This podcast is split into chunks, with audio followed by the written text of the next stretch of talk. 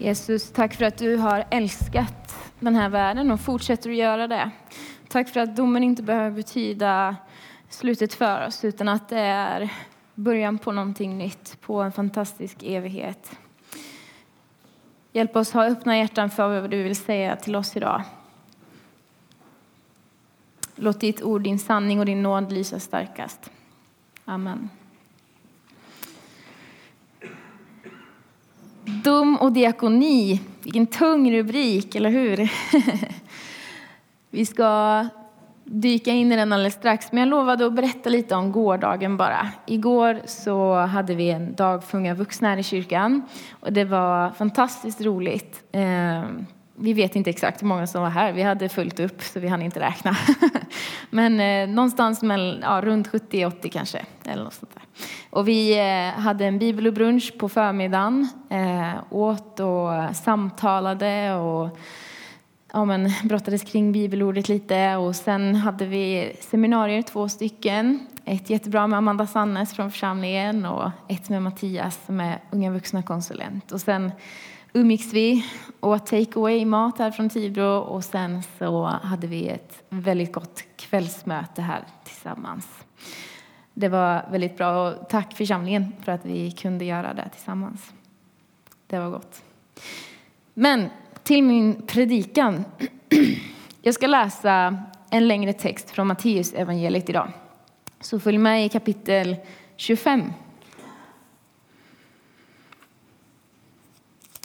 Matteus kapitel 25. Om ni undrar varför min röst är lite svajig så är det att jag är trött från igår. Så eh, har vi det sagt också. Mm. Kapitel 25, vers 31 till 46.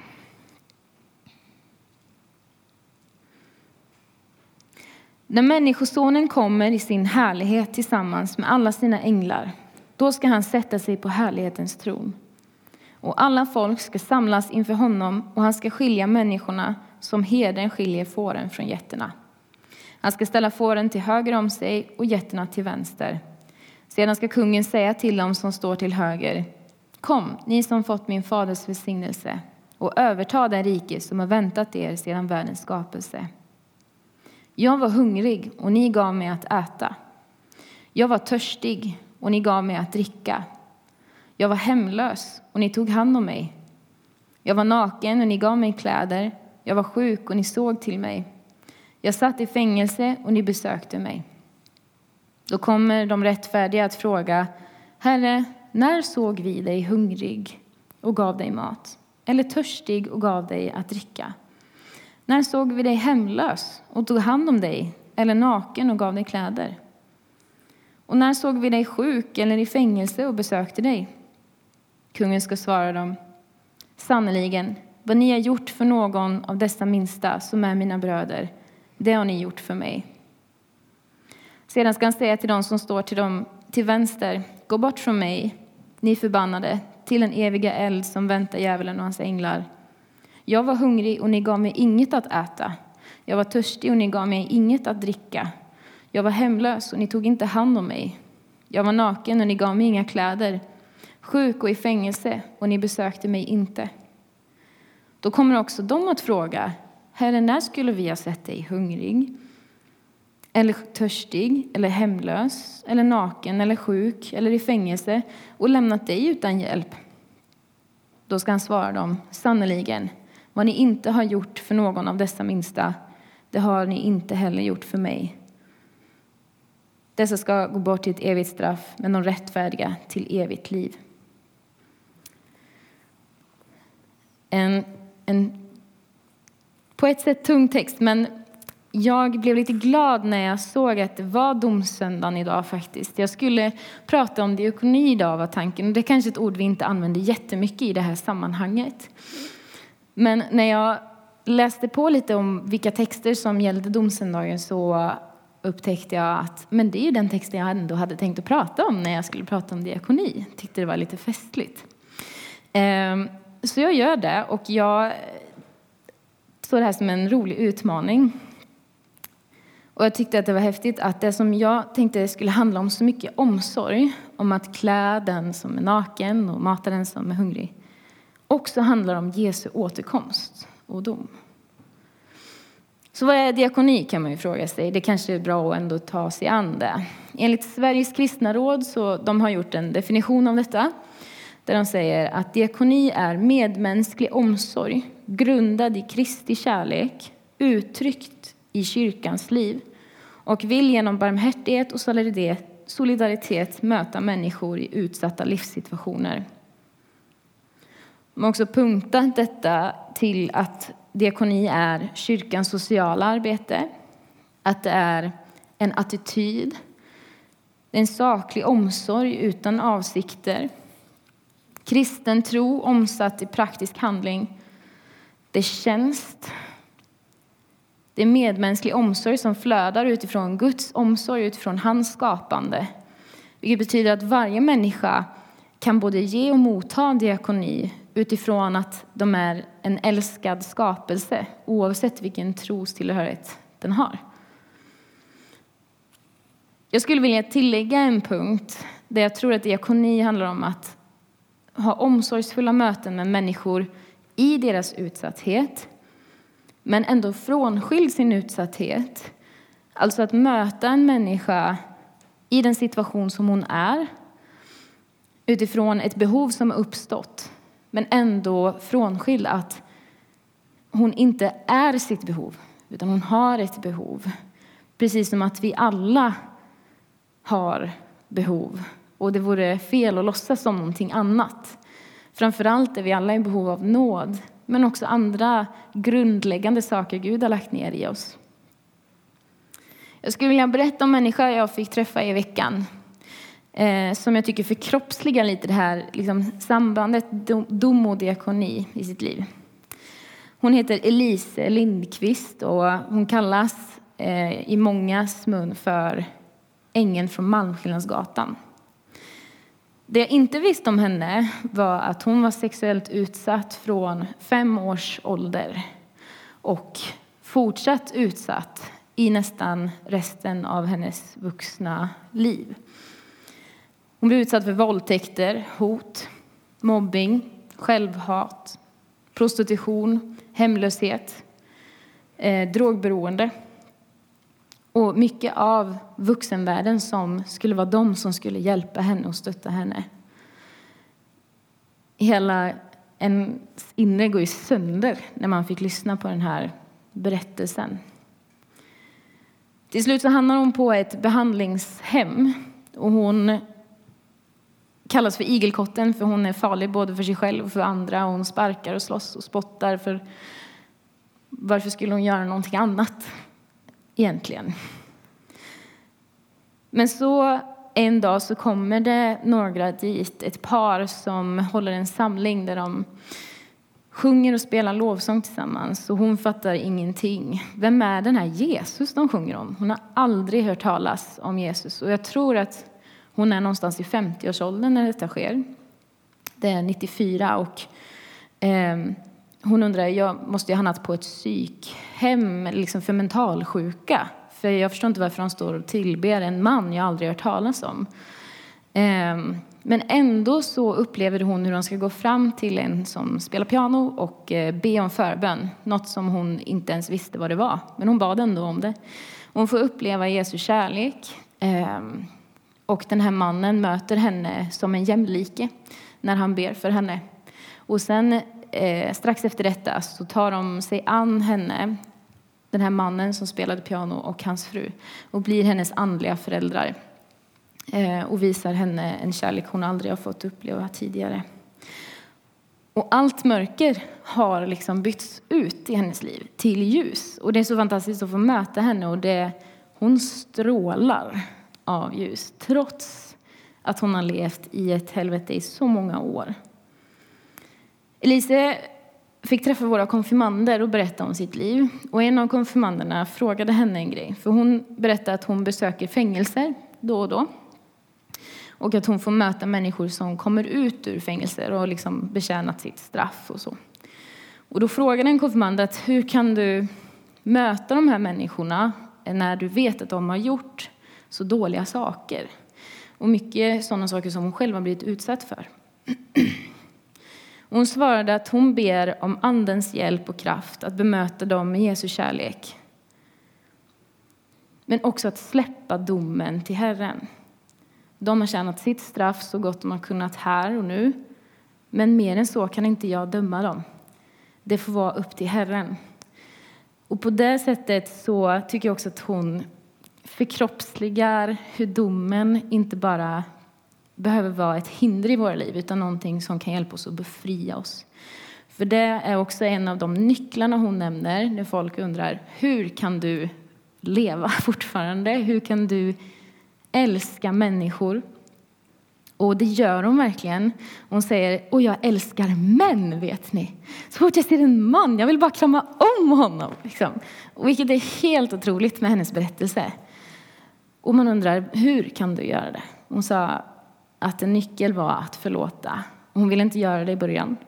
Men hon fick hjälp i en trygg miljö att liksom, så fort det dök upp en bild från hennes minne så fick hon säga Gud förlåt dem, de vet inte vad de har gjort. Eh, och det befriade henne totalt. Och det är något så viktigt i detta tycker jag som berör mig. För det är så lätt att ropa hårdare tag. Vem hade jag varit om jag hade fötts på gatan? Vuxit upp utan föräldrar, haft sjukdomar som har gjort att jag inte kunnat få jobb. Kanske bott i ett annat land, i Sydafrika och deras tuffaste områden. Kanske hade varit president för USA. Hur hade jag hanterat livet annorlunda? Hade jag kunnat göra det? Hade jag varit bättre än någon annan? Jag tror inte det. Men det är så lätt att vi dömer människor och oss själva utifrån det vi ser liksom, och, och de handlingar vi gör här och nu när vi har så olika förutsättningar för att göra bra val. Och vi dömer lätt utifrån fördomar och halvsanningar och det får en negativ effekt på vår människosyn och vår gudssyn och vårt bemötande av varandra. Men i Bibeln så verkar det som att Jesus domar de är baserade på sanning och på rättvisa, på en kunskap som vi aldrig kan få, om omsorg. Och det har liksom en befriande effekt, både för dem det gäller och de runt omkring.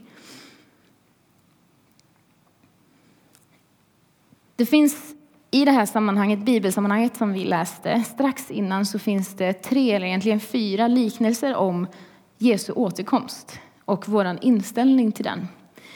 Ehm, som jag tänker också hjälper oss att förstå det här med domen och, och diakonin och sambandet.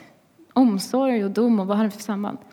Och en av dem är en berättelse om jungfrur som väntar på en brudgum. Jag går inte in på den i detalj. Eh, men de har liksom halvt förberett sig för att han ska komma, men så somnar de och missar hans ankomst. Och det viktiga, tror jag, i berättelsen som man vill berätta här att vi ska vara vakna och inte bara så här slumra runt i livet. Utan jag tänker lite, det Gud vill säga idag i alla fall, är att vakna och betänka att Gud är på riktigt. Här och nu. Herren är Gud och inte bara en guldbiljett till himlen eller något som vi tar i tur med sen.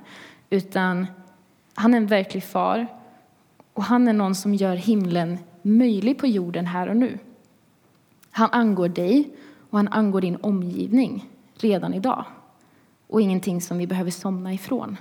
Utan han angår er och oss och mig idag.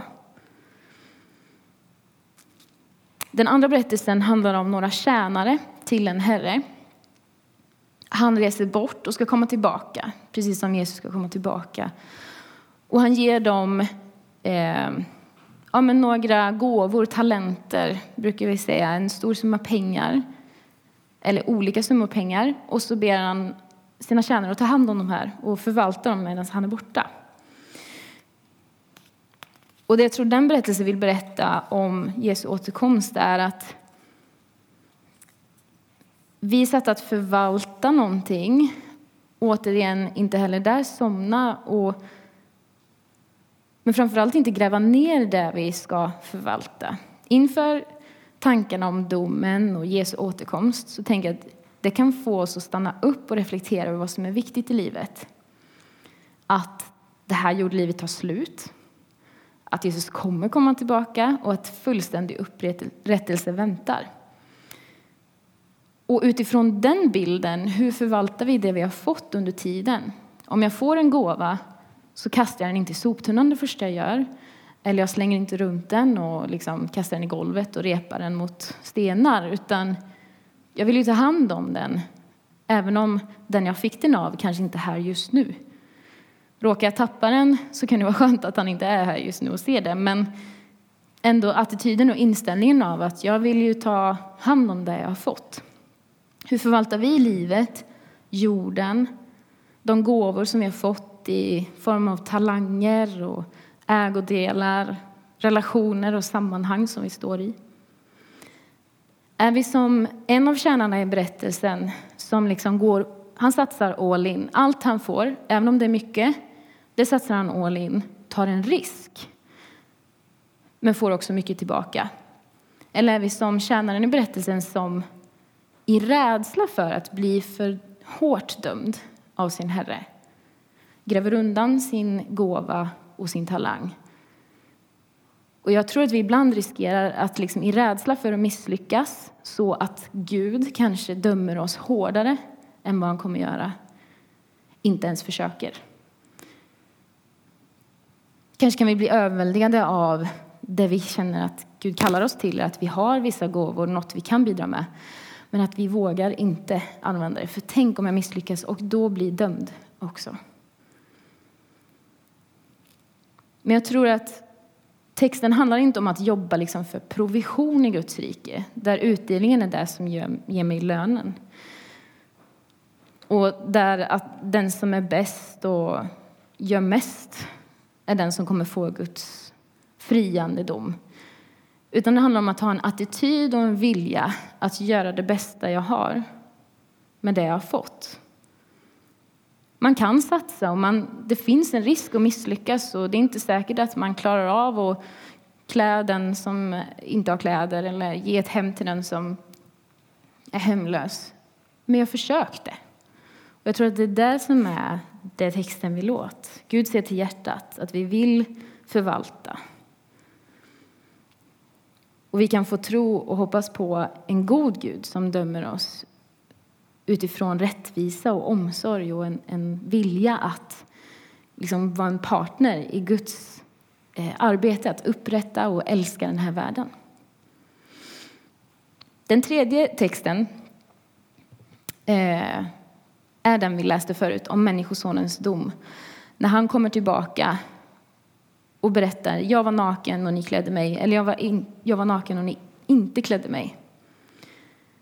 Och det tror jag också handlar om diakoni.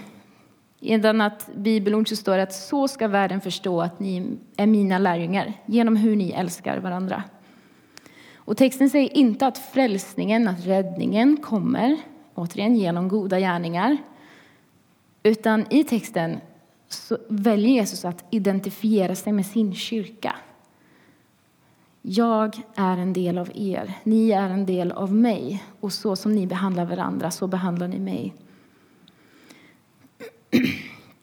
Det är liksom som att min man David, om man skulle vara den här som bara, men vadå, vi har inte klätt dig när du var naken. Det är som att David, min man, skulle säga till mig att jag vill ha din rumpa, men jag vill inte ha dina armar. Är det okej? Okay? Liksom. Eh, jag vill ha det där, Jesus, men jag vill inte ha din kyrka. Eh, och den här tillhörighetstanken där Jesus identifierar sig med kyrkan den är väldigt stark hos en man som heter Dietrich Bonhoeffer. Jag tänkte ta några texter från en bok som jag läst med honom, Liv i gemenskap. Och där beskriver han hur den här eh, kristna gemenskapen och, och syskonen och vår relation till våra kristna syskon. Att vi varken kan kräva så mycket av den eller avvisa den. Han skriver så här. Det är Guds nåd, alltså en gåva, som vi får ta emot. Att en församling får uppstå på ett synligt sätt kring Guds ord och sakrament. När man ser på sin broder eller syster bör man minnas att man är evigt förenad med honom eller henne i Kristus. Vill man inte stå ut med detta har man inte med Kristi rike att göra. Fortsättningsvis skriver han detta betyder omedelbart ett farväl av alla dunkla förväntningar på någonting mer. För det första, kristet broderskap är inget ideal, det är en verklighet. Detta att vi endast är bröder eller syskon genom Jesus Kristus är ett faktum av oerhörd betydelse. Min broder är sålunda inte den hängivna, fromma, gemenskapssökande människa som kommer mig till mötes utan den verkliga gemenskapen gäller den av Kristus återlöste andre, den från synden frikände, till tron och det eviga livet kallade.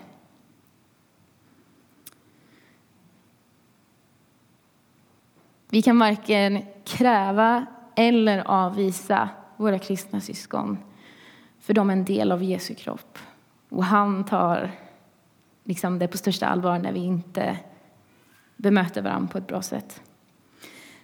Texten om att klä den som är naken, att ge mat åt den som hungrar, hälsa på den sjuke och fängslade, den utmanar oss och prövar äktheten i vår tro på en Gud som älskat oss bortom all rimlighet och som har dömt oss fria genom Jesus från skuld och skam. Fria som, från identiteter som säger att vi behöver förtjäna kärlek som säger att vi kanske är fula eller utan värde. Som säger att vi är mer värda än andra om vi lyckas bättre än dem. Att vi kanske är mer värdefulla folk från andra länder eller livsöden än vad vi är vana vid.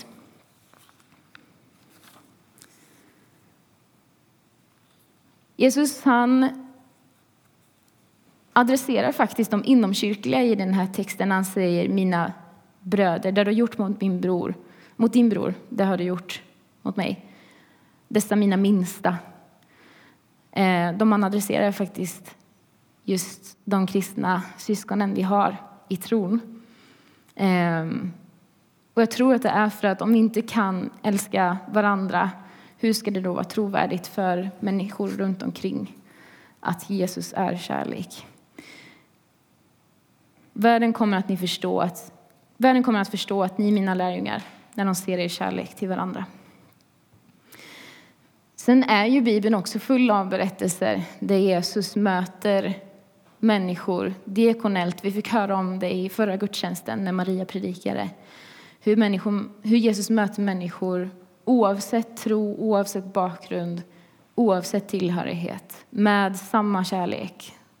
Så absolut, Både våra kristna syskon, men också den som ännu inte tror är vi satta att älska och ta hand om. Omsorg har inget sista förbrukningsdatum. Elise hon är 85 år gammal nu. Och fortfarande så ägnar hon varje fredagsnatt, sedan 25 år tillbaka i år, åt att möta prostituerade tjejer på gator i Stockholm. Det är hennes fredagsmys. Hon ville absolut komma till Tibro, men det var väldigt viktigt att hon skulle få komma tillbaka till fredagskvällen så hon kunde fortsätta möta dem natt, vecka efter vecka. Och visst, eh, det är lite tröttsamt kan hon erkänna, men det är så värdefullt. Hon kallas för ängeln på Manskillnadsgatan hos de flesta. Men hos de som går där på gatorna så brukar hon kallas för morsan på helvetesgatorna. En annan förebild för mig det är min morfar. Han fyller snart 89 år och är fortfarande en förebild i att leva sitt liv för att lyfta andra, för att uppmuntra andra så ofta han bara kan. Och de båda liksom bubblar över av glädje till livet, till Jesus. Och inte av en rädsla för att Gud kommer döma dem hårt för de gånger de misslyckas eller inte gör det där som de skulle kunna göra. Utan de bubblar över av en tacksamhet för att Gud har friat dem. Satt dem fria och gett dem Andens kraft till förlåtelse och till kärlek och förvandlade liv. Jag tänker att Jesus utmanar här vår människosyn och vår tro. Inte som ett sätt att trycka ner den, att du gör inte tillräckligt. Utan bara vår inställning. För de här fåren och getterna, det var inte så att de visste att de hade försökt klä Jesus genom att ta hand om deras omgivning. Eh, utan det var bara en grundinställning att, men vad då?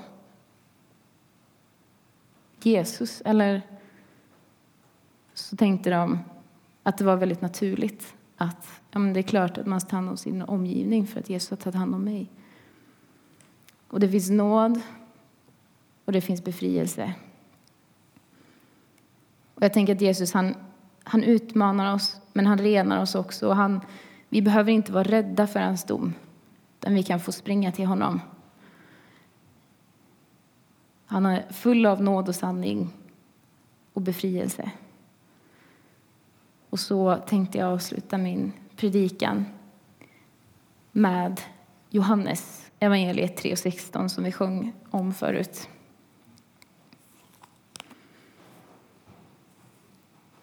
För även om det står att Jesus kommer och dömer oss så står det också där att så älskade Gud världen att han gav den sin enda son för att de som tror på honom inte ska gå under utan ha evigt liv. Ty Gud sände inte sin son till världen för att döma den utan för att världen skulle räddas genom honom. Amen.